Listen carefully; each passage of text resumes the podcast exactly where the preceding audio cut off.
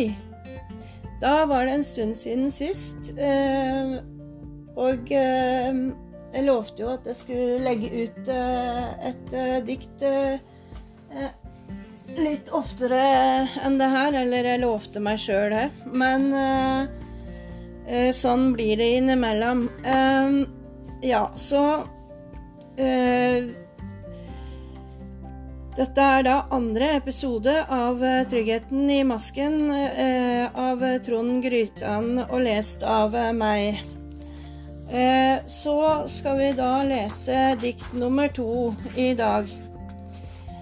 Eh, og det heter Han. Der er han, spøkefuglen, med sin teite humor som sprer latter, han som skaper trivsel rundt seg. Der er han, den seriøse, som med dype tanker skaper ideer som går under huden, han som får folk til å tenke. Der er han, den positive, med sin stå-på-vilje som får folk til å ta grep, han som motiverer mennesker der er han, den svake, som alene er ingenting, som gjemmer seg for verden, han som graver seg ned. Hvor er du, du som vil være her, som med ditt alt kan stabilisere, som kan vise meg livet, du som bare er min. Der er han, spøkefuglen, med sin teite humor. Han sprer latter, han som skaper trivsel rundt seg. Der er han, den seriøse, som med dype tanker skaper ideer som går under huden, han som får folk til å tenke.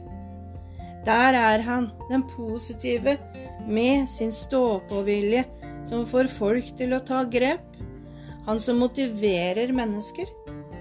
Der er han, den svake, som alene er ingenting, som gjemmer seg for verden, han som graver seg ned.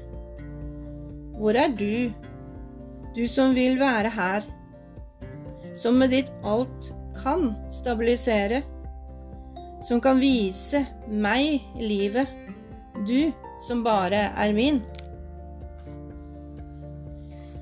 Ja, alle trenger vi forskjellige mennesker i livet, og vi kan velge hvem vi vil være sammen med.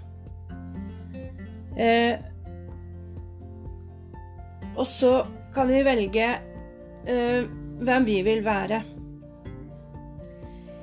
Eh, dette var dikt eh, nummer to, og jeg gleder meg til å lese eh, videre. Eh, Ha en fin dag.